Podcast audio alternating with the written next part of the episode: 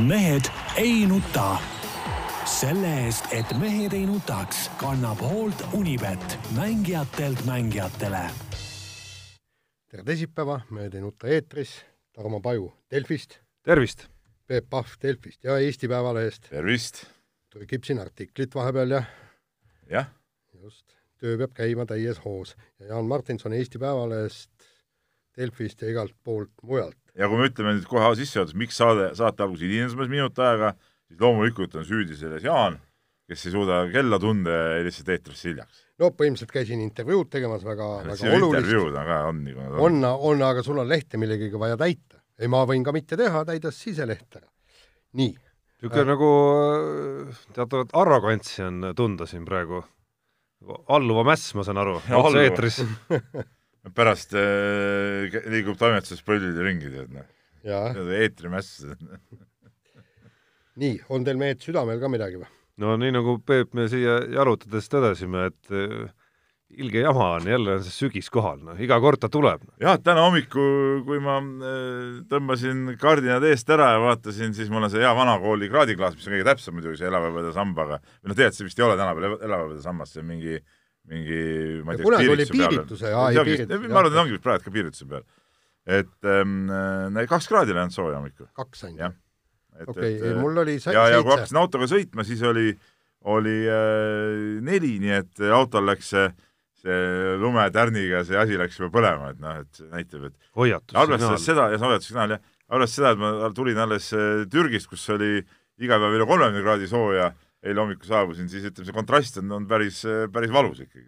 rullis ennast seal vetevoogudes? rullisin vetevoogudes ka, ei saa, ei saa eitada seda üldse, et et selles suhtes Türgi ralli korraldajat tuleb kiita, ajakava on sätitud nii, et on õhtuti võimalik käia äh, suplemas ja, ja see on üks äraütlemata tore tegevus. ja mis tulemus oli, kohe tuli, kui üleüldiselt Türgi ralli suhtes on väga palju kriitikat, eks ole, et kuidas seal äh, nagu liiga ettearvamatu on, Margus Murakas isegi Õhtulehes kirjutas näiteks sellest, kuidas ikkagi nagu võiks, ralli võiks olla nagu rallisõidu äh, nii-öelda koht, mitte et äh, kellel nüüd mis kivi otsas auto katki läheb siis Peebult vastupidi, suure rullimise peale seal hotellis ja, ja vetevoogudes tuli üdini positiivne kommentaar, kui hea ikka on, et selline ralli on olemas. jah, absoluutselt, et ei no selliseid rallisid on veel tegelikult, ütleme, ütleme koht, kus saab alati suplemas käia, on ka näiteks Sardiinia ralli.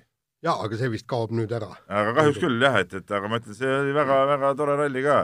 ka seal ja sa elada rannahotellis, käia äh, õhtul väike suplusringi teha, nii et see on, see on väga-väga mõnus. jaa, aga mehed, mis te vingutate selle sügise peale, praegu on just ilus aeg, lehed langevad, vaata kui värviline on kogu see maailm, pluss on õunad, pluss on seened, igast muud asjad, suvi kõrvits kasvab.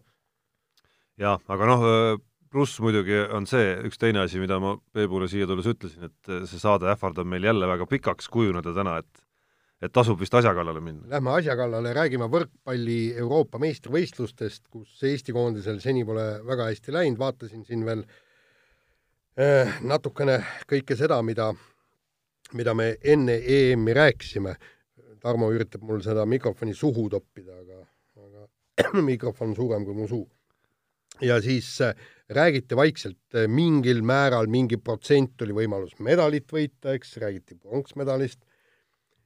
Üks väljaanne juba rääkis, et kuidas on võimalik, oota, see oli olümpiale isegi pääseda ju, sellepärast et kui me edastame üht-teist, kolmandat koondist, siis me võime sinna valikturniirile minna, siis äh, lugesin äh, Robert Tähe ja Teppani intervjuud, kus nad äh, ütlesid, et neil on täiesti kõrini ilusatest kaotustest. nüüd kogu selle jutu peale on siis meil ainult koledad kaotused noh, Poola kohta saab öelda nii ja naa. no Poola oli ikkagi ropp kaotus, mitte kole kaotus, see on nagu ropp kaotus. no see oli teistmoodi, eks ole. ei no ükspuha, mis pidi, aga roppus jääb roppuseks, noh. just. Ja, ja., põhimõtteliselt meil on nüüd kolm barankat, täna õhtul äh, mäng äh, Hollandiga, mis tuleb igal juhul võita ja siis veel Ukraina takkaotsa ära kägistada. Holland on siin nagu nii hästi mänginud, et, et ma ei kujuta ette, kuidas see võitmine nagu nagu reaalsuses peaks no Poolale saime paremini vastu kui Holland näiteks. no jaa, aga no jaa, aga Hollandi vastu me hakkame ka jõudu hoidma ju. Hollandi võitu ei ole planeeritud ju. jah, et Ukrainat isegi, vaja võita. jaa, meil on Ukrainat vaja võita, see nagu ütleme, kõik läheb ju ju paplanu, nagu öeldakse ja, ja kui kui ikkagi võtab, Gretu võtab välja oma selle, vaatab, ahah, oot-oot, täna ei ole ju tarvis võita, tead, noh. ja siis ei hakatagi mässama, tead, isegi kui hakkab võit tulema, siis saab teha alati niisuguseid käike, nõuda meestelt meelega võrku servimist näiteks, ma ei tea, joone peale astumist, võrku minekut meelega, ja alati saab see kaotuse välja võluda ja no põhimõtteliselt noh, ütleme niimoodi, et Prantsusmaa vastu oli ju näha, et, et kui vähekenegi võimalus oli, tähendab mingisugune või selle Poola vastu, et kui veidikenegi oli võimalus, et mine sa tea, äkki see teine teine koosseis, kes samuti, kes pandi siis kolmandas skeemis mängu, et kui see äkki jumala eest, et äkki võtab selle game'i ära, neliteist, üksteist oldi ees ja kõik, aga lõpuks ikkagi Kristo Kollo lõpuks võeti välja ka ja, ja, ja noh, ühesõnaga pandi ikkagi platsile mehed, kes noh, olgem ausad, no millegipärast on esimene koosseis ja teine koosseis. ja, ja see ei ole loteriiga paika pandud, esimene ja teine. no kui me seda juttu sujuvalt sellest Poola mängust ja, ja Gretu otsusest äh, alustasime juba, siis äh, äkki jäämegi selle juurde, et äh, Jaan, sa kirjutasid eile ka äh, üsna sellise otsekohese ja, ja kriitilise kommentaari, mis äh, ilmus siis Eesti Päevalehes ja ja, ja mis siin salata, ega me siin väga suurt vaidlust vist ei saagi omavahel püsti panna, kuigi tahaks väga, sest eh, noh, ma tean Peebu arvamust ja, ja kahjuks ma pean nagu nii-öelda saate kahjuks. mõttes kahjuks, saate mõttes kahjuks pean ka ise ütlema, et, et, see lugu mulle meeldis väga, eh, just sellepärast, et ma jagan täielikult su arvamust. Eh, siin arvamused muidugi on läinud üsna kahte leeri, et kui siin eile Õhtuleheski ilmus üks päris huvitav vorm, artikli vorm siis, kus olid sõna saanud seal Argo Arrak, Barry Kruda ja Avo Keel näiteks, siis seal nende vahel äh, me hommikul, Jaan, sinuga lugesime need arvamused kokku ka, ütleme, jäi selline poolteist, poolteist viik kuskil, kuskil, kui neid vastuseid seal äh, lahti mõtestada, et kes siis äh, oli nõus, et Gretu käitus õigesti, et andis justkui nagu ette ära tolle kohtumise selleks, et hoida siis meeste jõudu järgmisteks mängudeks, äh, versus siis need, kes ütlesid, et see oli nagu täielik jama. ma pean ütlema, et okei okay,, seda on tagantjärele muidugi lihtsam öelda olukorras, kus kaks mängu tõesti kaotatigi, aga noh, midagi ei ole teha, me saamegi ainult niimoodi seda otsust vaadata. et äh, minu arust see kõige suurem probleem, ma mõistan seda, seda osa küll, et meeste jõudu justkui on vaja nagu hoida, eriti kui on näha, et äh, eriti meie koondise liidrid ei ole võib-olla parimas vormis praegu tänu nendele vigastustele, mis on neid suvel vaevanud, Rene Teppanil ja, ja Robert Tähel eelkõige. aga just see pool, mi-, mille, kus osutus see otsus ikkagi nagu täielikuks näpu lõikamiseks, on minu arust see nagu emotsionaalne pool meestel kus sa nagu ütled, et okei okay,, seda võimalust äh, Poola vastu ma teile ei annagi üldse, et äh, las see Poola mäng olla, äh, võiks ju alustada seda turniiri mingisuguse ägeda niisuguse nagu tõelise hurraaga, kasutada ära see variant, et Poola ju kontrollmänge ei pidanudki, mis tähendab, et esimeses mängus Poola üllatamiseks oli selgelt kõige parem võimalus üldse. Seda, et selle asemel, et üldse nagu üritada seda, asendus siis see emotsioon äh, hoopis teise emotsiooniga, sellega, et pagan, et meil oli tegelikult variant, kindlasti osad mehed ei nõustunud sellega, et miks nad pingile võeti, need mossis näod seal pingi peal, no, need kommentaarid ju... seal mängu järel ilmselgelt ju rääkisid enda eest ja see kindlasti mõjus halvasti meestele. jaa, tegelikult seda asja oleks saanud ju lahendada kindlasti teistmoodi, väga lihtne variant. üksikute vahetustega? ei, üleüldse oleks nii nagu Poola jättis ju alguses ju põhimehed üldse välja, eks ole, nii oleks võinud ka Eesti, ütleme, kui Gretu tahtis, et neid põhimehi säästa, oleks võinud rahulikult minna ju kohe selle teise koosseisuga peale ja, ja mängida nendega nii palju, kui torust tuleb, noh, milles küsimus on. näiteks? noh, see oleks igatpidi mõistlik ja siis ma saan küll aru, et jaa, tahtis neid säästa, läks nende vendadega, noh, oleks võitnud, oleks super olnud, kaotatud pole ka midagi lahti ja emotsionaalselt keegi midagi sellest ei kaota. Need mehed, kes seal pingil on, muutuvad näljasemaks, neid ei võetud peale nagu ütleme, edukat game'i ei, ei, ei ole võetud nagu karistuseks, te mängisite liiga hästi, et võtame teid välja, praegu jäi nagu selline mulje, onju. aga siis oleks kõik nagu rahulik ja loogiline. et ma ei saagi aru, kuidas, kuidas Gretu-sugune kogenud treener äh, ei, ei kasutanud sellist võimalust. seal ei olnud vaja, tal ei olnud ju otseselt vaja äh, mingeid põhimehi veel sisse mängitada, kontrollmänge oli juba peetud, midagi hullu poleks juhtunud. ja, ja teine asi on ju see, et, et kui sa oled kolmandas game'is geimide seis üks-üks, eks, kolmandas geimis neliteist, üksteist ees, eks, ja sa vaatad. ja siis oleks võinud panna ühe teise äh, põhimehe sisse, et, et vähemalt üritada seda võitu. Äh, teine asi oli see, et, et paljude, meil on üks kiri ka selle kohta, et, et küsiti, et kas ma oleks selle kommentaari kirjutanud ka siis, kui ma oleks kaks järgmist päeva mängu võitnud.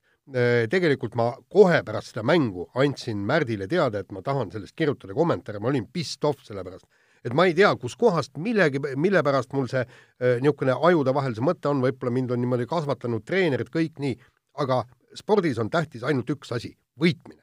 ja, ja, ja kui palju me oleme siin ju näinud, võtame kõige e-, eredamalt on see näha jäähokis. kui viimases voorus, kui kas Kanada või, või Venemaa või Soome või keegi, et nad võiksid selle mängu ära anda, kaotada, eks ju, ja, ja selle peale öeldakse, kuulge, nalja teete või? me lähme väljakule ja selleks, et kaotada. et, et, et see ei saa olla ühegi treeneri filosoofia, kõiki mänge tuleb minna võitma. kusjuures võistkonnaalade turniirid on äh, maailma ajaloos päris palju andnud neid näiteid, kus selline äh, vingerdamine, vangerdamine maksabki kätte tegelikult. okei okay,, enamasti me näeme seda nagu ütleme, Poola-suguse satsi pealt, kes on nagu tugevam, eks ole, ja ta annab nõrgemale kuidagi, mängitab vahetusmehi. Et, et seda nagu nõrgema poolt nii tihti noh, me ei ole osanud võib-olla nagu jälgida. küll aga, mida ma tean väga selgelt, on see, et kõik need fännid, kes olid Poolas kohal või vähemalt suurem osa nendest, olid selle käigu peale ikkagi nagu väga pettunud, et see on ka tegelikult üks faktor, mida mida noh, peab arvestama siiski. muidugi peab, no sa ei lähe ju vaatama turniiri selleks, et et meeskond meelega kaotab. muidugi fännid ei ole need, kes juhivad meeskonda ega vastuta selle tulemuse eest ja loomulikult fännid oleks selle andeks andnud, kui praegu oleks järelenud kahest mängust, järgmisest kahest mängust kaks võidetud. Aga fakt oli see, et see pettumus oli päris valdav seal. mina mõtlen seda, et kui näiteks oletame, nüüd täna ka kaotatakse ja, ja kõik edasipääsu lootused minetakse, eks peaks Gretut enne viimast mängu nagu vallandama. mäletate, kui Soome juunioride jääkikoondis või U kakskümmend koondis keset turniiri ju vallandas treener ära, kui asjad ei läinud nii, nagu ette nähtud ja oli kõik, noh. et, et tegelikult see peaks olema nagu märk enne viimast mängu juba, siis las siis need abitreenerid juhendavad seal, noh. milles küsimus on. sest tegelikult see on puhas, see turniir, praegu on selline kõik puhas Gretu käkk. absoluutne käkk just, eile veel arutasime no mitme inimesega kõike seda, seda mängu Poolaga ja siis kõiki neid järgnevaid mänge Montenegroga kaotust ja Tšehhidele kaotust. ja kõik ütlesid ühest soost, nii head mängu ei ole Eesti koondis näidanud ja, ja Tarmo, sina täiendasid, et sel suvel ei ole Eesti koondis nii hästi mänginud, kui mängis Poola vastu, eks ju. Ja nüüd me lõikame selle kõik ära ja, ja, ja noh ütle, mis sa ütled, eks mul oli, mul oli kohe niisugune tunne, et, et praegu võetakse meestelt lihtsalt see puhtalt see emotsioon ära. et isegi kui nad ei oleks isegi ühte punkti sealt kätte saanud Poola vastu või midagi, aga nad oleks hea emotsiooniga läinud Montenegro vastu. et muidugi oli tõenäoline, et nad ei oleks seda mängu võitnud. Isegi, isegi sõltumata sellest, kas poolakatel oleks seal tulnud väljakule need staarid, kes neil alguses pingil olid jäetud või mitte, tõenäoliselt oleks Eesti kaotanud pigem aga seisul, kus seis oli üks-üks juba, no see oleks võib-olla ühe punktiga kätte see, see üks punkt võib-olla oleks siis see tundus null kahe pealt, ma oleksin äh, ausalt öeldes poleks silm ka pilkunud võib-olla isegi, aga aga üks-ühe pealt äh, olukorras, kus äh, meestel, kelle seas, olgem ausad, mõned on ikka väga ambitsioonikad tegelased, seal ikka sädemeid on juba noorteklassist alates mõnel mehel silmadest välja löönud. ja, ja olukorras, kus me räägime ikkagi satsist, kes on läinud tegema oma äh, ajaloo parimat tulemust, et, et väga selge eesmärk ja kõlav eesmärk on ju tükk aega olnud juba, et ükskord ometi me peame kaheksa parema hulka saada. mis tähendab, et, et me liiga allaheitlikud ei saa nagu olla, eriti üks-üks seisus. ei, seda küll, ja teine asi on see muidugi, et noh, kui me võtame nüüd ka Poola-suguste vastu. Äh, nüüd see olukord, aga, aga kui me hakkame nüüd vaatama laiemalt seda koondise värki, ega nüüd ilmselgelt tuleb välja, et see Oliver Venno väljajätmine oli ka ikkagi viga. kusjuures siin et, et arvestades seda, et et, et kui äh, suur probleem on meil diagonaalründajatega olnud, eks ole, et lõpuks isegi ju, kas see eelmine mäng, millal äh, Martti Juhkov pandi seda positsiooni mängima, et, et äh, no ma ei tea, no tead, piisavalt oli aega, et et vennad seal veel ka vormi ajada. Noh. mina jällegi siin tahaks, siin tahaks küll oponeerida ja kaitsta pigem Gretut, et mida sa kaitsid, kui meil pole nurgaründajaid? no ma tahaks kaitsta eelkõige selle suuna pealt, et siin võiks rohkem seda kriitikat äh, suunata mitte Gretule, vaid Oliver Vennole endale ikkagi. minu arust ikkagi täiesti vastutustundetu käitumine Oliver Vennolt, noh Ta. kahes, kahes selle aasta tsüklis mõlemas. Tarmo, kõik on õige, aga teinekord tuleb inimesi võtta sellistena, nagu nad on, on., jah. ja min... Venno on eluaeg selline, eh, tal on alati olnud suvel probleem enda vormis hoidmisega, noh. aga, aga treeneri asi ongi ju, ütleme, need nurgad nagu maha lihvida ja teha ikka nii, nagu võistkonnale on parem, eks ole. sest noh, selline Venno kindlasti oleks Venno olnud äh, vajalik praegu no,. selline Venno, nagu oli siin äh, Euroopa liiga ajal, sellest ei olnud mingisugust kasu no, nägite aga... ise, ta ei jaksanud hüpata. no jaa, aga sina oled treener ja sinu asi ongi, kutsu siis Venno kas või nädal aega varem ja. sinna, äh, Venno ja veel pluss paar-kolm venda, kutsu kas või noh, kolm päeva varem sinna kogunemistele ja anna talle siis äh, füüsiline programm, pane talle peale kõik see. mille pärast klubis suudetakse seda üles töötada ju, päris Just, kiiresti no,. klubis ilmselgelt ja päris kiiresti. no ma arvan, et klubi üles. osas on ta ilmselt oluliselt motiveeritum ka, et klubis tuleb ikkagi palk, eks koondise osa on vabatahtlik, ilmselgelt Gretu, on küsimus tahtmises. aga Gretu kui peatreeneri asi oli teha see asi nii, et kõik tugevamad oleks kohal, ongi kõik, siin ei ole midagi isegi vaielda. no õnnetul, õn-, õnnetu osa lihtsalt ongi see, et Rene Teppan ei ole jalga alla saanud, et kui sa nüüd need tükid paned kokku, et Teppan pole noh, jalga alla saanud piltlikus mõttes, eks Äh, et ei ole oma tervist täielikult korda saanud, ei ole tippvormis, äh, samuti äh, mida meie võib-olla ei märka, aga päris asjatundjad märkavad, et ka Robert Täht noh, ilmselgelt ei ole siiski päris see no, aga need olid selleks hetkeks ju teada asjad ju. ja, ja kui sa olid teada need probleemid juba selleks hetkeks jaa, aga see, kus ma lausega tahan jõuda, on see, et kui sa need tükid nagu paned kokku, Vennot ei ole, esimest korda, kes on olnud seni ikkagi päris noh, asendamatu lüli Eesti koondistes kõikide meie edulugude juures, siis natuke võib-olla kogu see turniirieelne ootus ongi olnud võib-olla natukene, natuke liiga palju no ka võib-olla, aga samas, samas eh, noh, eelmiste aastate põhjal või võis ju eeldada, et see, et see koondise level, ka isegi kehvas seisus see level on kõrgem, kui ta praegu on välja tulnud, kuigi, Teppanil... kuigi, kuigi ma ütlesin, kas see oli eelmine ülemine saades hakkasime ka siin vaidlema midagi, ma ütlesin, et tegelikult see suvi on võrkpallikoondisel olnud kehv. Noh. et Teppanil selles mõttes on õigus, kui ta ühes intervjuus äh, ma ei mäleta, mis kanalil täpselt, ütles, et okei okay,, me siin nagu räägime küll, et, et me peaks neist tugevamad olema ja et me oleme tugevamad, aga nüüd mingitel põhjustel kaotasime, et aga et numbrid on kaks korda järjest null kolm, järelikult me ei ole neist hetkel tugevamad no,. ja see puudutab nii teatud positsioone, kus ilmselgelt me oleme hätta jäänud, üks on see diagonaal, teine on kindlasti libero koht, kus servi vastuvõtt ja, ja kaitsemäng on jätnud ikkagi päris palju soovida. ja, ja pluss siis see geimi lõppude edude mahamängimine ja ebakindlus, et et noh, nii ongi, me ei olegi neist paremad lihtsalt hetkel. ja, ja, ja kusjuures siin ju, siin ju saabki Gretu kapsaaeda kõiki neid kive visata, tähendab, ütleme see Rikbergi ebaõnnestunud mäng, seda ju kõik Õhtulehe artiklis kõik eksperdid ju kinnitasid ja kõik viitsid, näitasid näpuga et vend ei tee ju trennis muud, kui võtab serve vastu ja nüüd ta seda, seda teha ei suuda. ja meil on, maar on olemas kõik, eks, noh, vaheta välja midagi, aga ei, ikkagi ja, ja, ja noh, mina ei tunne seda võrkpalli nii palju, aga räägitakse, et see rikk... kuidas nii, sa oled ju äh, mingi Tšehhi naiskonna peatreener olnud. tähendab Tšehhi nagu tehased Tšehhi. ei, ei, ei Tempti, see on äh, ehitusmehaanika tehnikum. või mehaanika tehnikum. ja, ja nii, aga, aga, aga lihtsalt äh, noh, see ongi jällegi ühe. ekspert, jah. Karl Rinaldo, mäletad, kirjutas vastukaaluks eile Jaan, Jaani kommentaarile, kuidas siin on asjatundmatu ja ja üldse ei jaga võrkpallist midagi, et mis ta seal üldse arvab midagi. siin on tegemist, on ju asjatundja. mis asja, Karl, ma pole näinudki seda. mis, mis kõige totram on vastata kommentaarile, et mida see mees üldse arvab. niisuguse kommentaariga, no see on haige, no Karl Rinaldo, no tule mõistusele. tõsi aga..., sa oled, Peep, seda siin saates ise ka teinud? mida? seda, et ütleme, argumendiks on lõpuks läinud, et umbes, et äh, kuna ise pole teinud või jaa, aga ma tean, et Jaan on ju, seda peaks kõik teadma, et Jaan on võrkpallitreener. jaa, ja kusjuures ma, jaa, ja kusjuures ma olen ehitustehnikumide Baltikumi tšempion no, oma okay. naiskonna viimil nii, aga jätka nüüd oma mõtet et, et, et kõik see ju läheb ja ka see, et, et mehed ei suuda, mind natuke häiris äh, Gretu intervjuus oli see, eks laiutab käsi, ütleb, mehed ei suuda seda teha, mehed ei suuda teist teha, et ühesõnaga nagu veeretab kogu selle Äh, palli meestele äh, selga. et aga, aga sina oledki treener, sinu asi ongi nad äh, ka vaimselt valmis panna selleks, et võita neid geimi lõppe. jaa, aga see on, on ju treeneri töö. jaa, aga teisalt on see ka reaalne, reaalse seisu osa ja kui me räägime nüüd nendest äh, nagu reaalsetest probleemidest, mis koondisel on, A, et meie liidrid ei ole tippvormis praegu, meie diagonaal ei ole nagu kaugel veel tippvormist ja meil on äh, vastuvõtul, eriti liberal, probleeme siis need vead ongi lõpuks ju geimi lõppudes kätte maksnud päris valusalt. me ei ole serve kätte saanud, sealt on ässadega lõpetatud neid geime, tuldud serviseerijatega tagasi mängu äh, ja meil ei ole endal olnud meest, kes otsustava palli maha lööb. just. on.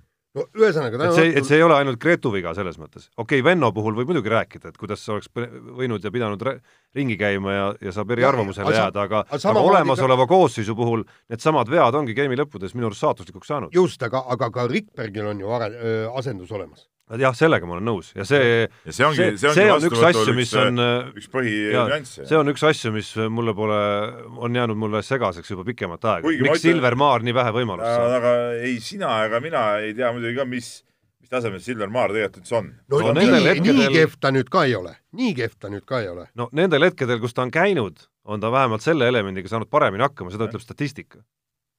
vähemalt selle vastuvõtu elemendiga nii, kas kõlli tahate? lase kõlli vaikselt. see vist. loodame, et kõigi inimeste kõrvatrumlid äh, jäid nüüd äh, ikkagi äh, terveks, et, et, et siin on nurinat olnud, et meie Rubinniku mees Tarmo ei saa asjaga hakkama. ma noomisin seda, ma, ma muuseas noomisin enne saate algust teda Ja, ei mäleta kusjuures sellist asja, aga eks eetris kõlbab blufiks igasugune jutt. kuidas ei mäleta, kas kutsume meie operaatori, kes läks toast välja, tema oli juures, kui me no, võib-olla on asi selles, et eh, eks sinu jutu suhtes on mingi immuunsus ka tekkinud no,. on hetki, on hetki, kus Siim ei kuule. mingi taustamüra on lihtsalt või ei ole, vahet ei ole.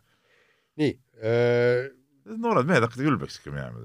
no mis teha, euronoored noh, Euroopa kaitseb neid. Euroopa kaitseb, jah. ja Ameerika ka, jah.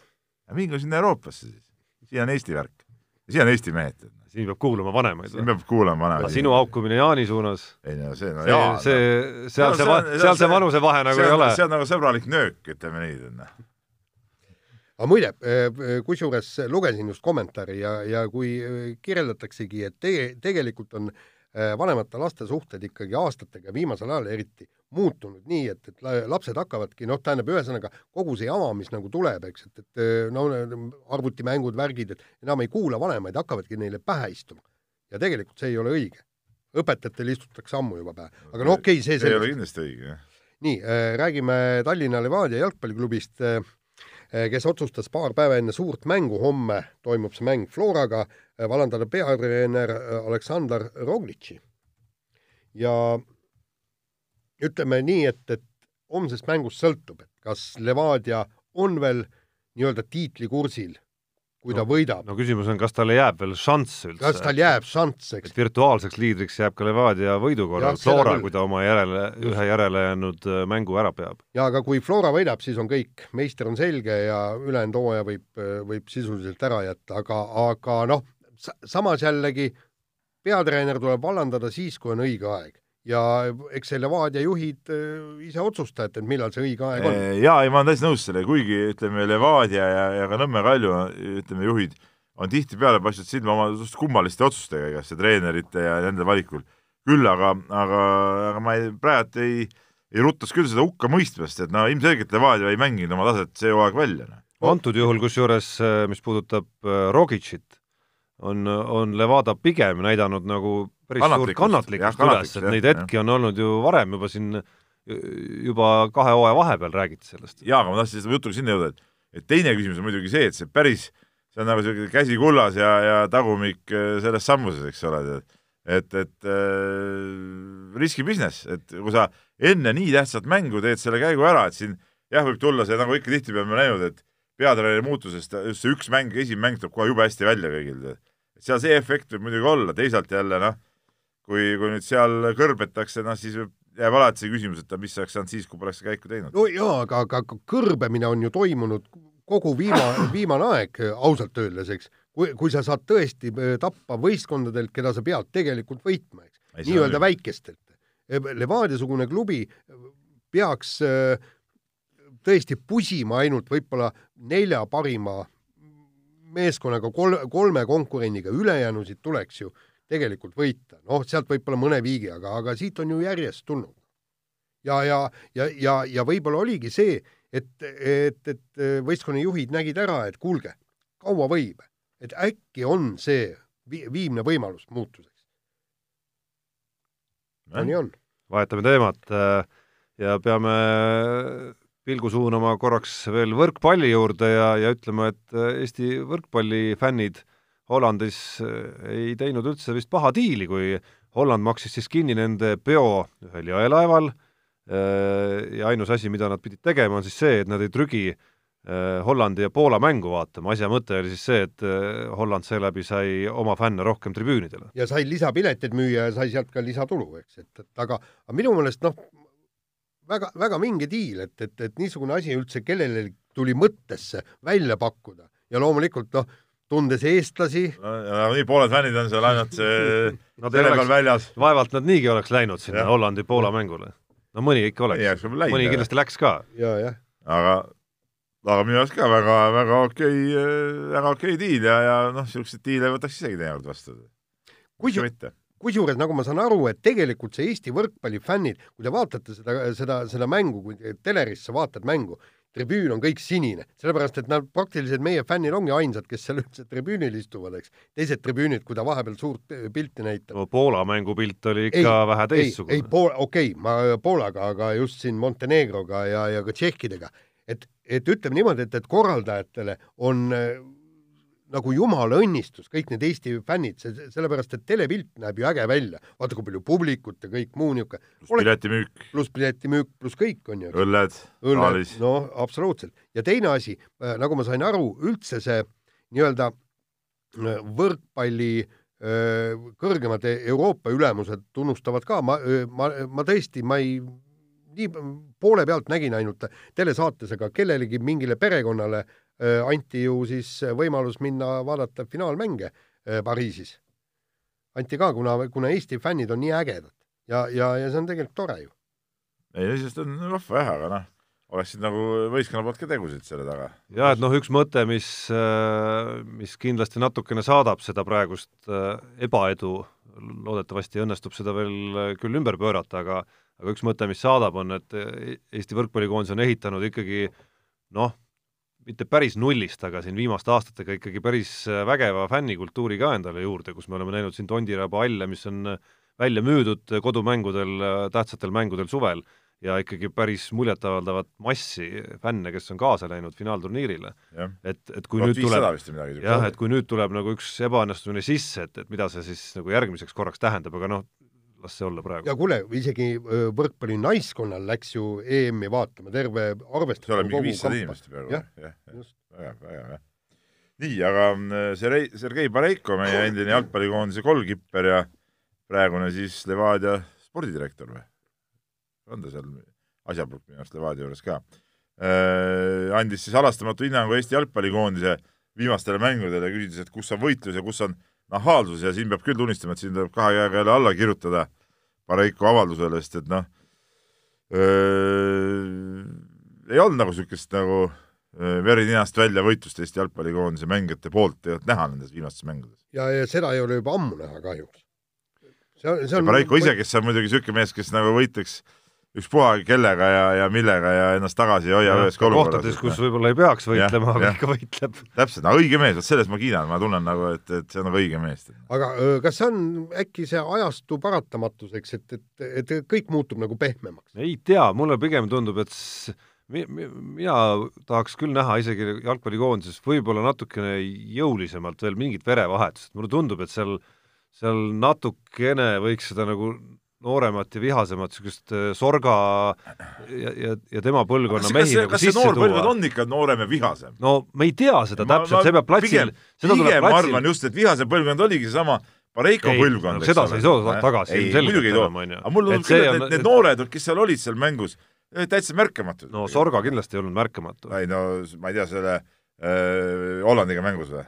Äh, no Hollandiga mängus äh, oli seal raske kellelgi märgatav olla. no eriti, eriti, eriti siiski ründajal. aga et äh, mulle tundub, vaata, kui me oleme rääkinud igasugu nagu nii-öelda mentaliteetidest, mis on, ma ei tea, Serbia või Leedu korvpalluritel küljes, on ju, kus ja. latt, ükskõik mis koosseisus sa mängid, on kuskil tasemel. et, et kas äkki meil on jalkakoondises toimunud nagu kerge mugandumine selle noh, selle kuskil seal maailma sajanda taseme ümber noh, mitte mingi teadlik loomulikult, et oh, ongi jõle äge, aga et, et kuidagimoodi see on saanud nagu mustriks ikkagi. noh, ütleme niimoodi, et, et äh, meil tuleb üks taga, tagapool tuleb üks teema, kus, kus me puudutame ka seda asja, aga äh, vaata, seal oligi see, et et see äh, nii-öelda tippude nivoo on praegu läinud madalaks. ütleme niimoodi, kui, kui omal ajal vaatasid ikkagi need noored jalgpallurid ja need, kes tulid sinna koondisse, kui nad vaatasid, neil oli ees, oli Mart Poom, kuidas tema trenni tegi, kuidas ta esimesena tuli, viimasena läks, kõik need teised nii-öelda vanakooli mehed, Piiro ja kuidas nad võitles. Ja, ja siis ju prooviti nende järgi joonduda aga kes meil on praegu, kelle järgi joonduda? no meil üks, siiski üks on Ragnar asja... Klavan on siiski meil küll, kelle järgi joonduda. jah, aga teda te,, tema paraku vigastusega äh, alati kohal ei ole, eks noored tulevad sinna äh, enne ja siis mängudel ka ei ole ja tema on ka ainuke, aga enne oli neid mehi ju no palju jah, jah, jah, selles suhtes on sul õigus. jah, nii, ja võtame järgmise teema ja räägime rallist natukene. Hyundai rallitiim äh, Äh, nagu boss äh, Andre Adamo äh, avaldas, sõlmis nii-öelda jätkulepingu üheksakordse maailmameistri Sebastian Loebiga ja, ja vanameister sõidab ka järgmine aasta rallit ja, ja väga tore, see on väga tore uudis, väga tore uudis ja, ja, ja see ikkagi niisuguse legendi kaasalöömine teeb alati, kui ta stardis on, teeb nagu teatud nagu põnevust, et kas äkki õnnestub jälle äh, midagi ära nihverdada. see aasta veel võitu nagu pole, et, et üks, üks poodiumi koht on tal, aga aga, aga tuleb Sulles, ikka selle, püüda. selle järjepidevusega võiks isegi arvata, et ma ei tea, sünnib veel mingisugune nagu vaikne, vaikne nagu areng ka veel uuesti. ei no areng just sama autoga ikkagi saab sõita no, teist aastat järjest ja, ja ikkagi ja, kahe aasta peale kokku kaksteist rallit lõpuks. jah, jah, seda küll, jah, seda küll. jaa, aga, aga, aga samas teeb natukene kahetsust äh, see, et ta sõidab tõesti üksikuid rallisid vaata, kui vanameister teeks terve hooajaga. nagu ta, ta ei viitsi, eriti kui tema kaardilugeja ei viitsi. Kaardilugeja, tal pidi olema, et mispärast ta selle Soome rallis puudub, sellepärast et tal on viinamarja istandus ja, ja, ja just saagikoristusaeg ja noh, mine nüüd sinna Soome. ja, ja no kindlasti äh, lööb ei taha ju mingit teist kaardilugejat ka võtta. ei, no kogu elu oled sõitnud no,. see on nagu ikka nagu suhkesabas, suhkesabas paar aga kiire vahemängu lõpetuseks, Peep on üsna varsti reisimas jälle ära, ka mitte just eriti jahedasse kohta, nii et tema ei selle sügise pintsutusi siin eh, niivõrd kätte ei saagi Eestimaal, nimelt on ta minemas kergejõustiku maailmameistrivõistlustele Dohasse, eh, lisaks sellele, et seal saab väga kuum olema, nii kuum, et eh, et seal maratoni joostakse vist kuskil öösel enam-vähem. öösel on start, jah. Lisaks sellele on äh, huvitavad uudised need, et eh, nelikümmend tuhat pealtvaatajat mahutavale staadionile on siin eh, mõnel, mõnel hetkel müüdud kaks tuhat piletit näiteks päevas no,. palju õnne muidugi no,! see ongi see totrus, et, et tiitlivõistlusi viiakse sellisesse kohta, kus ei ole loodud mitte mingeid normaalseid tingimusi, esiteks seal normaalne inimene ei saa seal üldse elada ega hingatagi, eks ole, no siis nad on staadionile ehitatud mingid õudsed konditsioneerid, mis staadionil hoiavad temperatuuri äh, nagu normaalsuse, normaalsuse piires aga seal nagu hingata muidu ei saa, ma vaatasin kolmkümmend kaheksa, kolmkümmend seitse kraadi iga päev sooja. lisaks, kui seal mitte kedagi ei huvita see võistlus, noh, no milleks sinna viia seda siis? no aga selle finantsvõimekuse juures äh, ei tohiks mingit probleemi olla, lõpuks need ülejäänud kolmkümmend kaheksa tuhat kohta ikkagi ära no, täita. ütleme, ütleme, mäletan äh, maksad, inimesed tood kohale Taekuus, seal, seal toodi busside kaupa neid äh, noori sinna tribüünide peale aga ma ei tea, kuidas seal see asi võib käia. paned sellised, äh, nii nagu telesaadetes on kas seal nagu naised teles..., kas seal üldse naised täiesti tohivad käia võistlustel või? paned nii nagu telesaadetes ma ei tea, äkki ei tohi. telesaadetes on vaata need, äh, kes õpetavad, millal veel ja, plaksutada, eks ole, millal seda teha, paned need ka tööle seal veel ja ongi, näeb kõik telekas hea välja vähemalt. ärge saage valesti aru, mul kergejõustik mm väga meeldib, muuseas, mul on juubel mm kümnes äh, minna. et, et just üks päev huvi pärast meenutasin, lugesin üles ja ja, ja, ja kümnes kord kui ma kõik, kõik õigesti kokku lugesin. et aga, aga mm võiks olla siis õigel ajal, ehk siis siis, kui kergejõustiku hooaeg nagu käib, nagu alati on ikka õige augustis kuskil ja ikka normaalses kohas, kus see pakub inimestele huvi, noh. üldjuhul on see Euroopa, no ma mäletan siin eelmine mm Londonis, no suurepärane, noh, staadion rahvast täis, asjatundlik publik, mis on kergejõustikus väga oluline, sest kergejõustik on ju ütleme, suvaline mingi võll läheb sinna kuskile kohale, see ei saa midagi aru, mis siin, siin üks hüppab, teine jookseb seal, mis see, kõik see kontekst, asjad on. aga asjatundlik publik, mis on kergejõustik väga oluline, oleks, oleks nagu hea, siis on hea vaadata. ja kõik need asjad kokku annaks mõnusa atmosfääri, aga seal ma ei oota küll mingit atmosfääri. kuule, aga see, see tulebki täpselt nagu mingisugune täielik külavõistlus, kui sul on tõesti noh. no nii, äh, kusjuures kiirelt räägin, üheksakümnendatel kirjutasin loo sellest, kui Saudi Araabiasse ehitati esimene golfiväljak, nad noh, panid seal meeletud miljonid magama, leidsid seda niisutus vett ja kõike. ja siis äh, korraldasid turniiri, kus olid meeletud auhinnarahad ja kutsusid kõik maailma parimad kohale, makstes neile noh, tähendab ka meeletut osalemistasu. ja siis, kui vennad rääkisid, ütlesid täiesti sür värk, et nad mängivad neli päeva golfi, maailma parimad, kõik absoluutsed tipud on kohal. Äh, kokku üks vend, see, kes võitis, Colin Montgomery, ütles, et tema nägi nelja pealtvaatajat. Kogu see siis, siis see rikkurite kamp istus telgis jahedas, mis nad seal tegid, eks tõmbasid piipu, võib-olla väike vein, eks, kuigi nad ei tohi seda veini juua, nad ja välja tuli ainult üks vend karikat võitjale andma. mitte ühtegi autasustamisel ei olnud, üks vend surus karika, kadus sinna telki, kogu lugu. ja, ja, ja, ja ne, nemad peavad seda lihtsalt normaalseks, nii ongi. nii. totrus, nii Unibetis saab tasuta vaadata aastas enam kui viiekümne tuhande mängu otseülekannet. seda isegi mobiilis ja tahvelarvutis. Unibet, mängijatelt mängijatele. nii, Tarmo. no tralliga seoses ma, Unibeti reklaam tuli, ma pidin endale kohe vastu otsa äsist.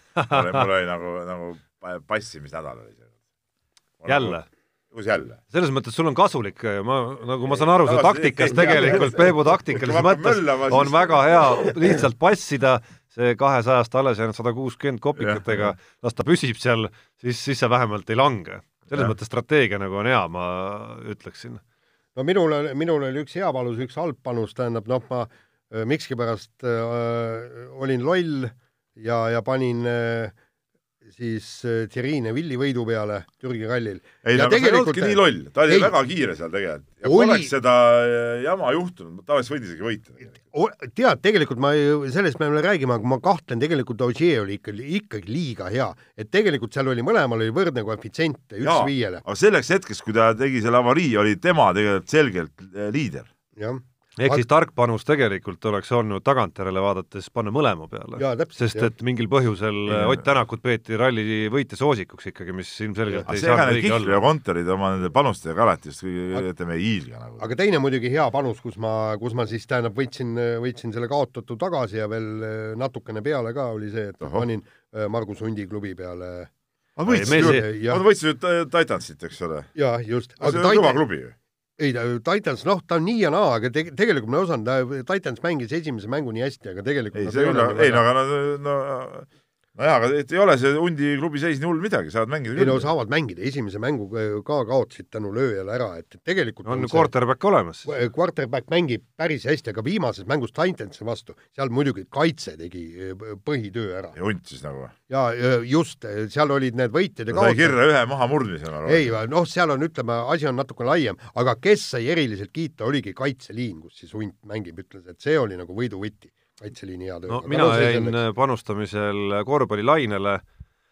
Äh,, läks niimoodi ja naamoodi, muuhulgas sain pihta panuse enne veerandfinaale, mis ütles, et USA ei jõua finaali, ehk siis eeldus oli, et nad vähemalt äh, veerandfinaalis või poolfinaalis hiljemalt kaotavad kas siis Prantsusmaale või Serbiale, Serbia muidugi kukkus ise alustuseks välja, aga lõpuks Serbiat vaja ei läinud, sellepärast et Prantsusmaa tegi töö ära aga siis turniiri lõpupanustes läks üks panus, milles ma olin suhteliselt kindel turniiri eel, läks ikkagi mööda, see puudutas äh, Ricky Rubio keskmist punktisaaki sellel turniiril, et äh, et see kujunes ikkagi nagu ootamatult suureks, et Rubio tegi ikka tõesti see joon oli pandud enne turniiri viieteistkümne koma viie peale, kuigi ma teadsin küll, et ta kontrollmängudes juba oli hoopis teine Ricky Rubio äh, Hispaania koondises kui seni, siis ma tegelikult ei uskunud, et ta, et ta üle selle kogub nii et kokkuvõttes MM-iga mõni eurot tuli plussi, nii et enam, enam-vähem seal, kus alguseski.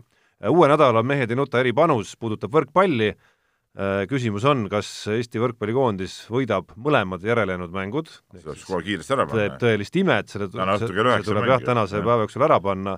Ja kes usuvad või arvavad, et see on hea panus, siis koefitsiendiga üksteist koma null on võimalik eh, see panus ära teha on võimalik panna ka, et ei võida, aga siis on koefitsient üks koma null kaks, nii et see väga väärtust ei oma, sa võid muidugi sada eurot paned, kaks saad tagasi. Pole ka paha, plussis vähemalt. ei no aga miljon paned, palju siis saad tagasi? no vot, nii palju vist ei lasta panna, aga lähme kirjade juurde. miks ei lasta? kas mul ei ole nagu kodanikuna õigus nagu panna nii palju, kui ise tahan või? ei. väga halb. nii, okei okay,, lähme kirjade juurde ja, ja tegelikult eh, sõber Muhv kirjutab meile ja teeb väga huvitava ettepaneku, et tere mehed, et kas selline küsimus, kas ei on, kas on kavas kunagi korraldada ka mehed ja nuta suvepäevad? naaberkuningriigis saaks tuua lahjat kesvamärjukest, sauna kütte panna ja konverentsisaal broneerida. maailma spordinüansid läbi arutada oleks igati tore ettevõtmine või mis no ma arvan, et see oleks väga tore ettevõtmine. äkki peaks meie üritusturundusosakonnale ikkagi andma mõtte. jah, jah, müüa piletid, piletid. sinna, jah. ei no seal tegelikult ta peaks olema spordivõistlused. üks on kohe selge, eks, et, et, et seal peaks olema mingisugused spordivõistlused ja siis äh, õhtul kesvamärg, järgmine hommik, kes viitsib üles tõusta, kuulab seminari. miks sul neid võistlusi vaja on? sa tahad võistelda? ei, muidugi, teeme midagi ägedat. seal saab võib-olla selle võistluse Gerd Kanteriga ära teha, kes kaugemale ketast heidab. Noh. ja siis võib-olla seal noh. põhiroll oleks ikka sellel, ütleme siis nagu eh, õhtusel, õhtusel seminaril nagu ütleme niimoodi. aga võiks seal harida küll võiks harida inimesi nagu natuke spordist, nad saaks nagu aru ka midagi. no ma usun, et sinna koguneks päris palju inimesi, kes ikkagi noh, ütleme pehmelt öeldes tahavad oma arvamust avaldada ikkagi, kuidas no,, no. kuidas asjad on.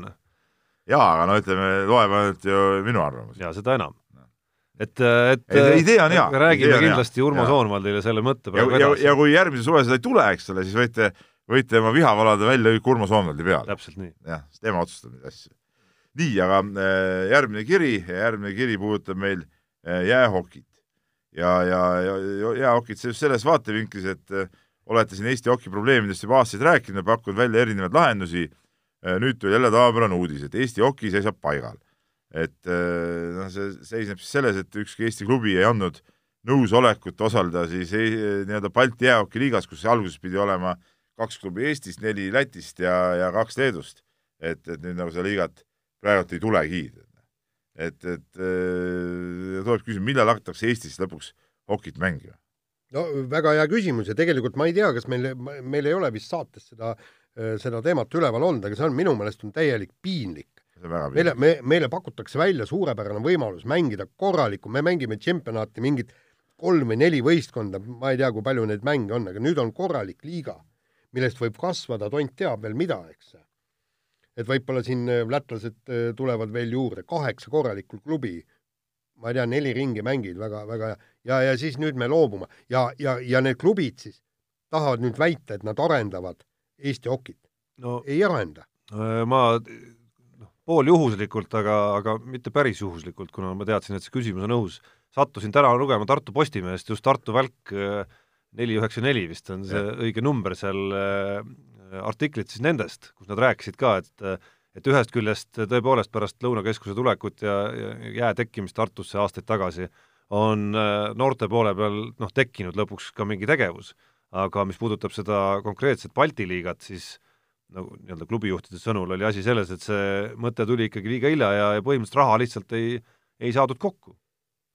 et raha taha põhimõtteliselt jäi. sa võid, see raha taha jäi, aga, aga natuke mulle äh, mitte pettumus, aga, aga ütleme, minu arust ka hokiliit natuke võib-olla liiga äh, kõrvalt vaadates tundub, et nagu liiga passiivselt ikkagi tegutseb ja, ja liiga väikeste ambitsioonidega nagu üritatakse neid asju nagu, nagu teha. et, et, äh, et, et, et, et Rauno Parras on seal küll noh, tore mees iseenesest, nagu tuli presidendiks ja tegi seal väga palju asju korda, aga, aga nüüd nagu kuidagi peaks neid samme nagu edasi astuma ja see ambitsioon peakski suurem olema, et võib-olla lõpetaks sellise eestikate mängimise üldse ära ja, ja pannagi need liigad kokku. Noh. ja pärast siis panna tõesti nagu, nagu umbes Kossusel, et mingi mängivad finaalseeria lihtsalt ja, ja ongi kõik, tead noh. et, et, et kuidagi nagu seda asja ikka laiemaks ajada, et noh, et siis oleks seda raha lihtsam leida, et ei oleks mingi paralleelselt kaks turniiri, vaid, vaid oleks nagu, nagu üks värk kuidagi või, või noh, midagi peaks ikka saama teha, nagu mulle tundub. kummaline on see, et, et vaata aastaid tagasi, kui Riho Soonik ja äh, seltsimees Will Baum või Will Bach või mis ta nüüd oli Will Bach. jah vedasid seda okiliitu, siis kõik torisesid, klubid torisesid, eriti Tallinnas, et neil ei lasta midagi teha. Nad tahtsid ju mängida ju Soome, ma ei tea, mis ja. mitmendat liigat ja kõik nii, et neil ei lasta midagi teha. ma ei usu, et, et, et Rauno Paras nüüd millelegi vastu seisaks. kus kohas on need siis ambitsioonikad klubid, kus, kes tahtsid teha ja pidid tegema kõike, mitte kuhugi paraku ei jõudnud. Tallinna pant-, pantrid olid need vist ja.. jah, et nagu, nagu ideid on ja, ja kõik, aga, aga kuidagi ära, ära sumbunud kuidagi see, kuidagi see asi. nii, ma võtan kiiresti veel Kalle kirja, mäletad, eelmises saates äh, esitasin Kallele ka küsimuse, et kas sa ikka harjutad rattamaratoniks ja Kalle vastas, et jah, et rattamaratoniks ta valmistus ja, ja pühapäeval äh, sai siis see asi äh, nii-öelda kõikide asjadega just tulemas vormistatud. Äh,. kaheksakümmend üheksa kilti mees väntas läbi, teadupärast olid ju tingimused ülikeerulised, muda ja kõike, ma lugesin Facebookis ka Kalle enda kirjeldust selle, kuidas ta läks kett pooleks ja kuidas ta seal viis kilomeetrit ratast vahepeal käe kõrval lükkas, kuni hooldus punktis siis äh, kett kokku lapiti ja nii edasi, aga ma ütlen, Kalle väga kõva ka,. Kalle väga kõva, et ma veel et, nägin kuskil uudist kusjuures, et äh, viiendik registreerinutest tulemata, jäi tulemata ja. ilmselt tänu sellele, kui nad hommikul aknast välja vaatasid no,. ma olen seda, ma olen näinud äh, videot äh, kus lihtsalt muda sees, lihtsalt inimesed tuimad kukuvad või, või lükkavad käe kõrval või ei saagi seda sõita. sa, Peep, ilmselt ei tajunud Türgi päikese all ja seal lainetes rullides, aga ilm pühapäeval, see oli ikka, see oli ikka räige, mis Mulle toimus üle Eestimaa. millest, millest seal räägitakse, aga no ütleme, kümme kraadi, paduvihm, räige tuul, kõik jutud olid olemas. et Tartu rattamaraton on üks asi, mis mul on tegemata, et ma olen suusamaratoni sõitnud korduvalt, ma olen rattarallit, mis on siis maantee peal sõitnud üle kümne korra aga mul see maastiku oma on sõitmata, et tegelikult kipitab tegelikult tükk aega, et peaks selle asja nagu üks aasta ette võtma, aga halval ajal on see alati, ei saa nagu hästi valmistuda selleks ja minna, nii. aga võtame viimase kirja, tegelikult meil jäi eelmisest saatest me hea sõber, teadlane Priidik, kes meile saadab huvitavaid küsimusi ja, ja meil oli eelmise saadega päris kiire nende kirjadega, meil jäi, jäi eelmise nädala küsimus ära ja tead, ma võtaks selle eelmise nädala küsimuse nüüd ette, ta saatis küll uue küsimuse, aga ma võtaks ikka selle eelmise asja, asja, et äh, milline on Eestil, Eestis heal tasemel või isegi väga heal tasemel harrastatav spordiala, mis on saanud meil teenimatult vähe tähelepanu. et no jutt ei käi siin mingist äh, kikingust või, või ma ei tea, mis asjast, vaid, vaid ikkagi, äh, ikkagi noh, korralikust äh, spordialast no üks, mis on kindlasti, on minu meelest on orienteerumine ja, ja orienteerumine ise on äh, ka rääkinud. ETV-s oli otseülekanne isegi. ei, ei okei okay,, ta on, ta on otseülekanne, aga kui palju meie seda kõike kajastame, eks, kui oli mm käi-, äh, oli Eestis, siis, siis ma käisin seda kõike, kõike kajastamas ja kõike, aga tegelikult on äh, see tõesti, ta on laialt levinud, väga palju on neid orienteerujaid kõik, aga orienteerujad ise ütlevad ka, et nad on noh, nagu ääretult tagasihoidlikud ja metsarahvas ja nad ei, nad ei, ei ei tee midagi selleks, et, et nad rohkem nähtaval oleks. et see tuleb esimesena pähe nagu. no on olnud periood isegi, kus ma paneks võrkpalli sinna listi, ütleme, selle finaalturniiridele pääsemise algusaegadel võib-olla. siin on küll äh, mitmeid, mitmeid nagu fragmente seal juures, äh, noh, alustades sellest, et äh, ükski võrkpallur ei olegi nagu nii-öelda staarina olnud kunagi Ragnar Klavani või Mart Poomi või Martin Müürsepa masti täht Eesti sporditaevas aga tegelikult äh, võttis päris kaua aega, et võrkpallil selline nagu tihedam kajastus tekiks ja, ja, ja et need nimed tuttavamaks hakkaks saama. Siima vaidlen sulle küll vastu, olles ise olnud äh, seal üheksakümnendate lõpus, kahe tuhandete alguses päris aktiivselt võrkpalli Õhtulehes töötades võrkpalli kirjutanud äh, ajakirjanik, siis ma ütleks küll, et tegelikult juba siis ütleme, see asi hakkas tõusma siis, kui üheksakümmend, millal see tuli, kaheksa, üheksakümmend üheksa, kui see Pärnu võistkonna niisugune uus tulek oli ja, ja ja, ja sellest ajast saadik äh, äh, hakkasid Euroopas mängima ja seal käisid ajakirjanikud euromängudel kaasas ja, Eesti kätt kajastati kõvasti, ma mäletan, suured seeriad olid ju seal äh, Tartu ja Pärnu vahel ja siis oli see Silvester pärast ja, ja Pärnu ja ja minu arust äh, ma ei ütleks, et see, selles suhtes ma sinuga küll, küll nõus ei ole, et, et, et see võrkpallikajastus on olnud, on olnud nagu vilets, et et pigem, pigem võib-olla ma ei ütle vilets, aga ma ütlen nagu ütleme, mõeldes tasemest võrreldes teiste pallimängualadega, eelkõige siis korvpalli ja jalgpalliga, eelkõige nagu võrdluses sellega. käsipalli on näiteks veel vähem kajastanud. jaa, aga noh, käsipall ei ole ka finaalturniirile jõudnud kunagi.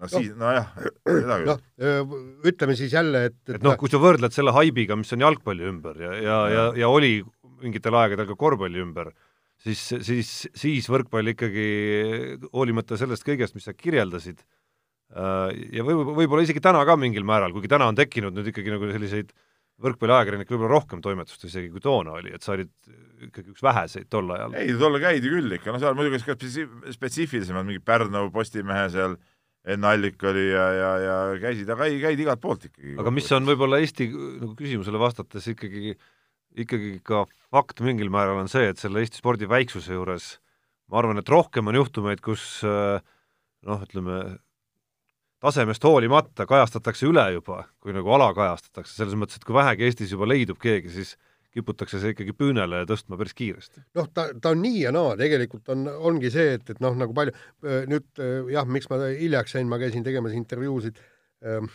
iluvõimlejatega, kes lähevad MM-ile sõidavad homme ära, täna oli viimane treening ja ja, ja iluvõimlemist tegelikult ääretult massiliselt harrastatakse just noh, nagu noorte poolt ja kõik nii.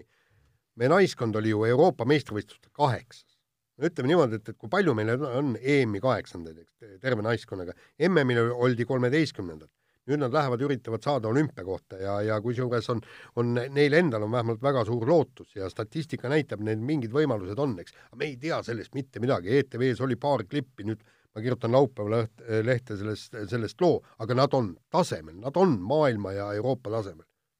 no võib-olla üks ala, mis on võib-olla jäänud natuke, mis on tegelikult nagu maailma mõistes ikkagi noh, normaalne ala äh, ja kus Eestis on olnud ka läbi aegade tulemusi, tõsi, viimasel ajal võib-olla nii hästi läinud, on purjetamine. millest on väga vähe kirjutatud tegelikult, et, et, et see on niisugune võib-olla nagu vaeslapse ossa jäänud, et, et seal tegelikult aga ju... no praegu ikka tulemust aga, aga, aga ikka sõltub jah sellest, et kui ikka omal tulemust ei ole, siis nagu ei tule midagi ja siis ei tule ka neid lugusid, et, et et pigem ma olen ka seda meelt, et kui Eestis on ikka mõni spordiala, kus mingilgi määral ollakse maailmas konkurentsis, siis ikkagi nendest asjadest on kirjutatud. jah, samas kui sa paneksid purjetajate kohad noh, ma ei tea, näiteks muudaksid äh, nime purjetamine suusatamiseks ja saaksid seal samasuguseid kohti, nagu purjetajad saavad, noh siis nad oleksid ju täielikult jumalad Eestis. no seda ka nüüd. nii on jah.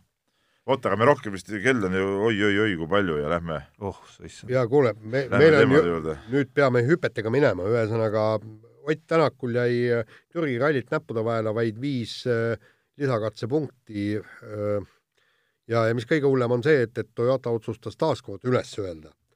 ja kuna vanameister juba on vist vanameister, Sebastian Ogier, suutis selle ralli, ralli võita ja siis, kui vahe oli enne MM-sarjas nelikümmend punkti, siis nüüd on seitseteist punkti ja, ja tiitlivõistlus ikkagi muutub üsna ägedaks.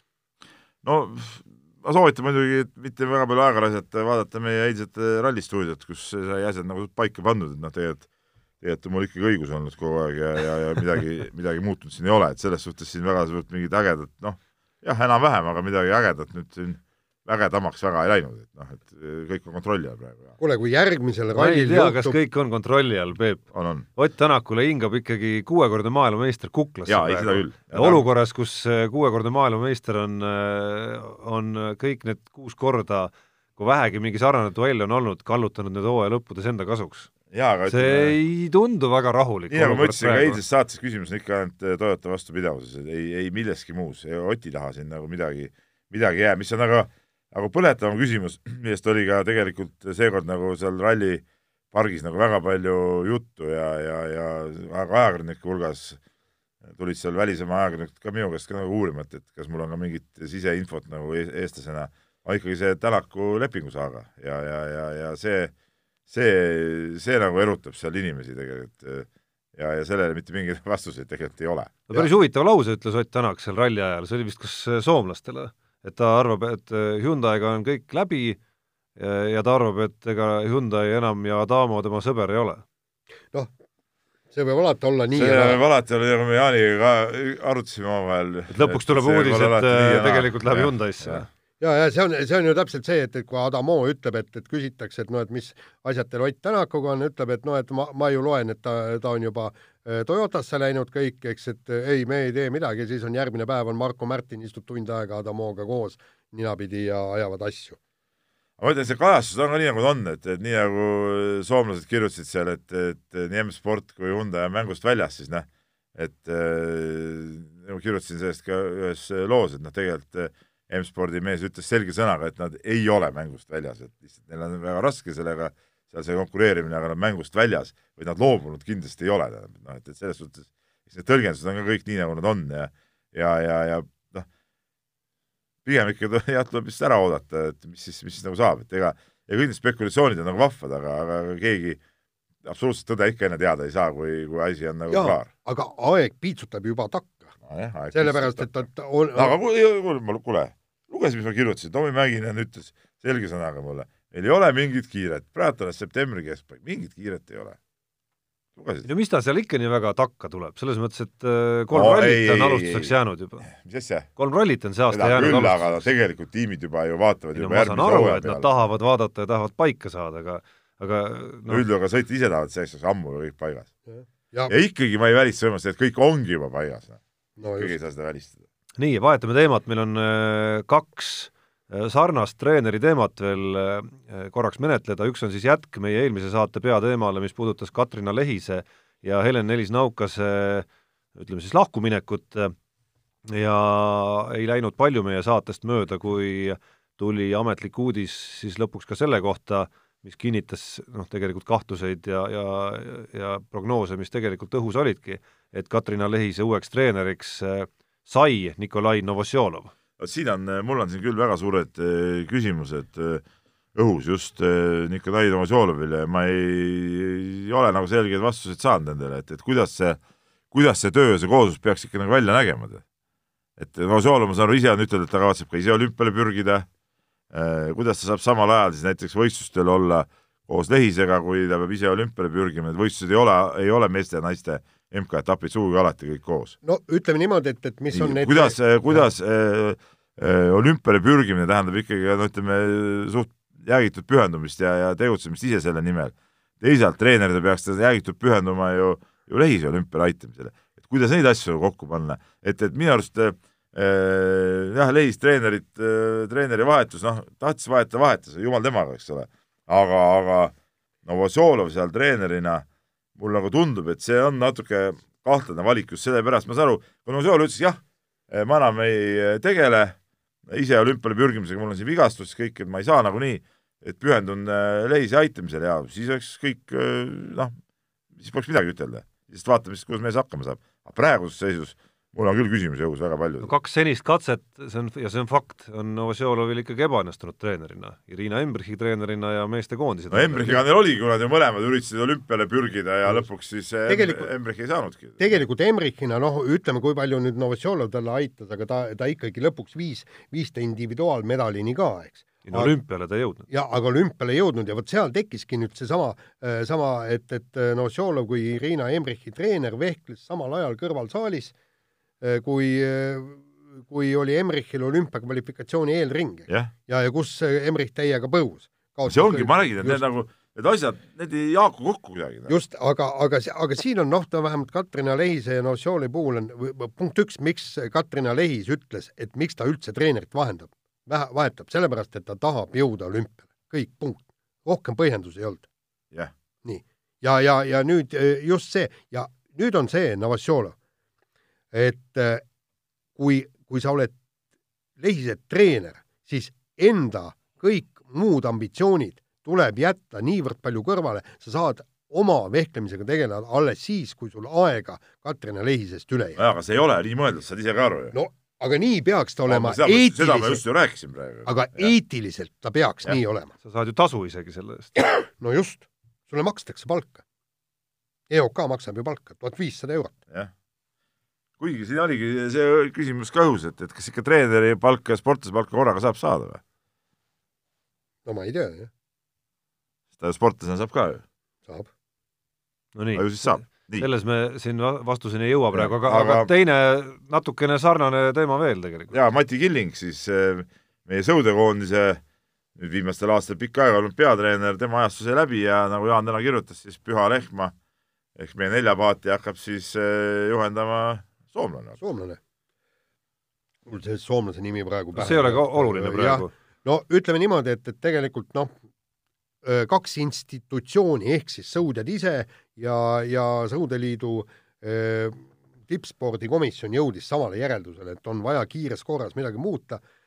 Tõnu Hendrikson ütles välja, et treener muutus liiga pehmeks ja distsipliin kadus ära, nüüd oleks vaja niisugune kõvemat piitsa ja paremat präänikut ja otsustati tuua soomlane ja see soomlane, äh, noh, ta viis äh, Soome äh, naiste kahe paadi kergekaalulise kahe, kahe paadi Pekingi olümpial hõbedale, ta on töötanud koos tšehhidega, Tšehhi koondisega on Belgia sõu-, sõudjaid juhendanud, niisugune rahvusvaheline vend. et, et nüüd tuleb kiirelt, ei ole kaheksa kuud on ainult aega jäänud, eks. nüüd tuleb lõpuks tööle hakata. aga, aga nagu Henrikson ka ütles, olgu mis ükstapuha, milline piits või porgand, mehed peavad ise tahtma ja, ja see ongi nüüd kõige peamine. no tundub mõistlik samm, aga nagu näha, kõik need sammud praegu on suunatud ikkagi selle ühe, ühe daatumiga, ehk siis mm. Lutserni etapp, olümpiakvalifikatsioon, et kui sealt seda ei tule ja jutt käib ju nelja paadi ümber ainult, me ei räägi tervest koondisest. no just.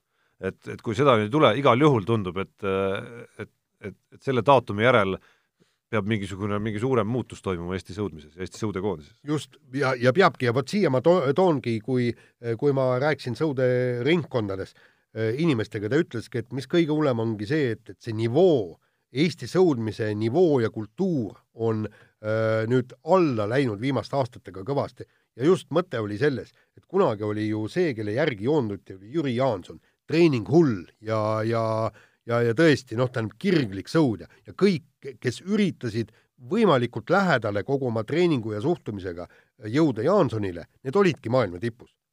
aga nüüd on meil see neljapaat, okei okay,, Hendrikson veel, ta on niisugune tagasihoidlik mees ja, ja kõike, ja kui need teised, eks noh, nagu Hendrikson ütles, mo mobiilinäppijad, ja kui noored tulevad ka, vaatavad, noh, see on normaalne trennis mobiili näppida. ja vot need on nüüd eeskujud. jah, probleem aga noh, ma ei tea, kas soomlane on just kõige õigem mees neid asju lahendama. mis see soomlasel viga on? noh, Eesti mehi peaks olema Eesti mees. no vot, mina oleks ka võib-olla tahtnud hoopis Tatjana Jansoni, aga seal öeldi, et, et kõik sõudjad peaksid aktsepteerima. no ja vot, see on jälle, aga see on jälle niisugune pehmode värk. mis kuradi sõudjad peavad aktsepteerima? tuuakse treener, tema ütleb, nii on ja teeme. ei tee. kuule no,, ja Jaanson on ju, Jaansoni proua on ju nii karm mutt, seal annab aeruga, kui sa no aga ongi õige ja tulebki anda aeruga, tulebki anda aeruga, kui vaja on, noh. ma saan aru, et soomlase tuleku mõte on ka ikkagi, et karmi kätt on vaja, nii et selles osas ei, äh, usu, ei tohiks ja, nagu ja. ei, ei, ei see, tohiks nagu, see, see, see ei tohiks nagu tulemata jääda. ja no ja iga, ikkagi ma ütlen, ikkagi Eesti koondise peavad juhendama eestlased, no see on ka muidugi kindel. nii, aga räägime saate lõpuks nüüd korvpallist natukene ka, näpud sügelevad, keel sügeleb. maailmameistrivõistlused said läbi USA jäi seitsmendaks, Hispaania tuli meistriks, Luis Scola kolmekümne üheksaselt koos oma Argentiinaga jõudis mees, ka finaali. täiesti hämmastav mees. ja, ja lõppkokkuvõttes, olgem ausad, turniir oli päris fantastiline. hoolimata kõikidest kohtunike jamadest ja, ja, ja alguses nähtud ühepoolsetest mängudest.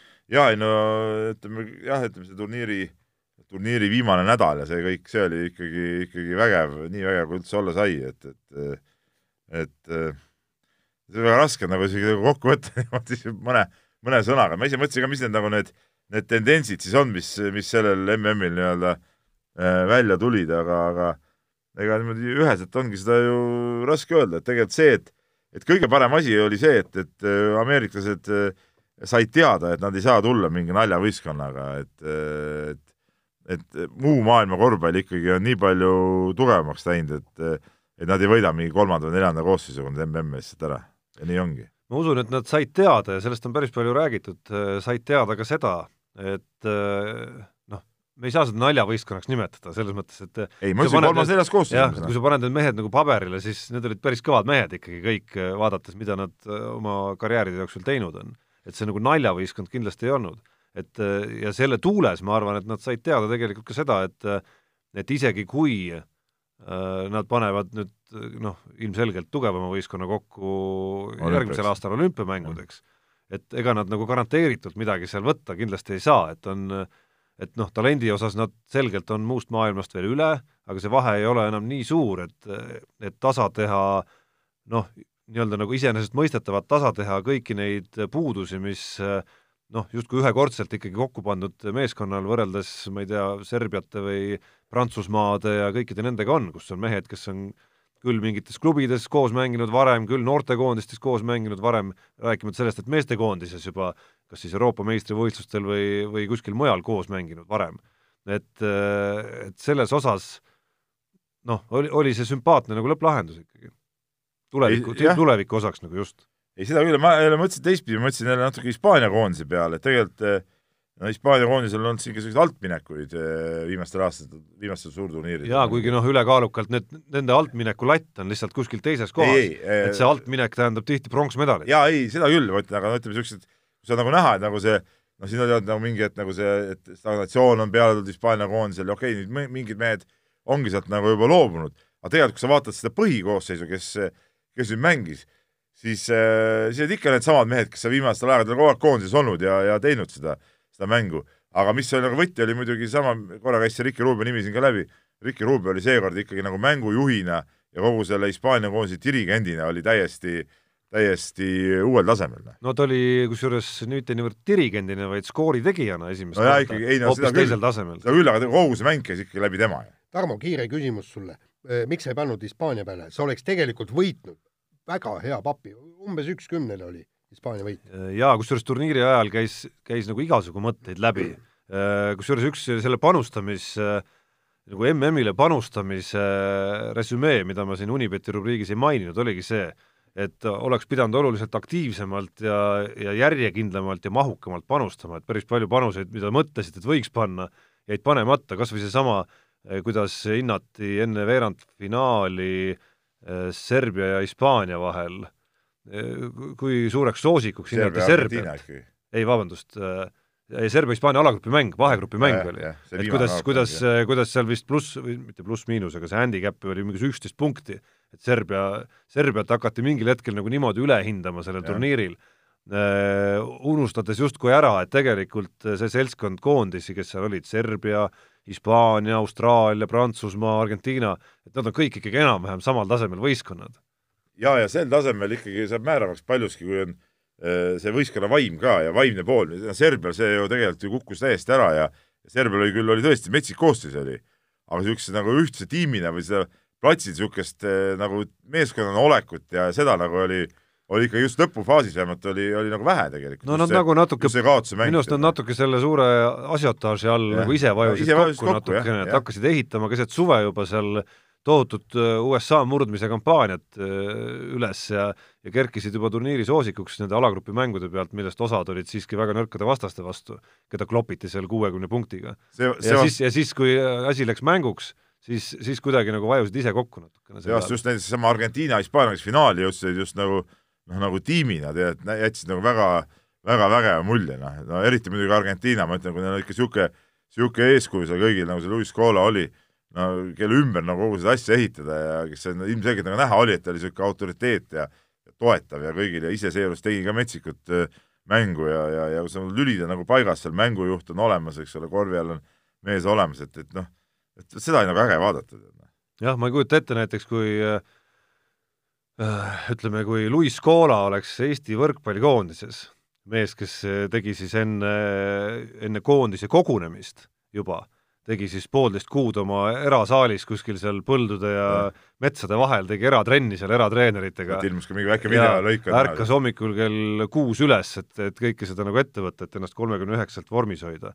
et, et, et kas oleks olnud võimalik, et Oliver Venno näiteks ikkagi nagu lööb käega sellele, ütleb, et ei. ma tulen siin, ma ei tea, saja kahekümne kilosena või mis ta tuli. ei oleks olnud võimalik ei no kindlasti oleks võib-olla, aga noh, sa ei saa, sa ei saa, sa noh see on see Jüri Jaansoni eeskuju ka, mida sa mainisid siin, on ju.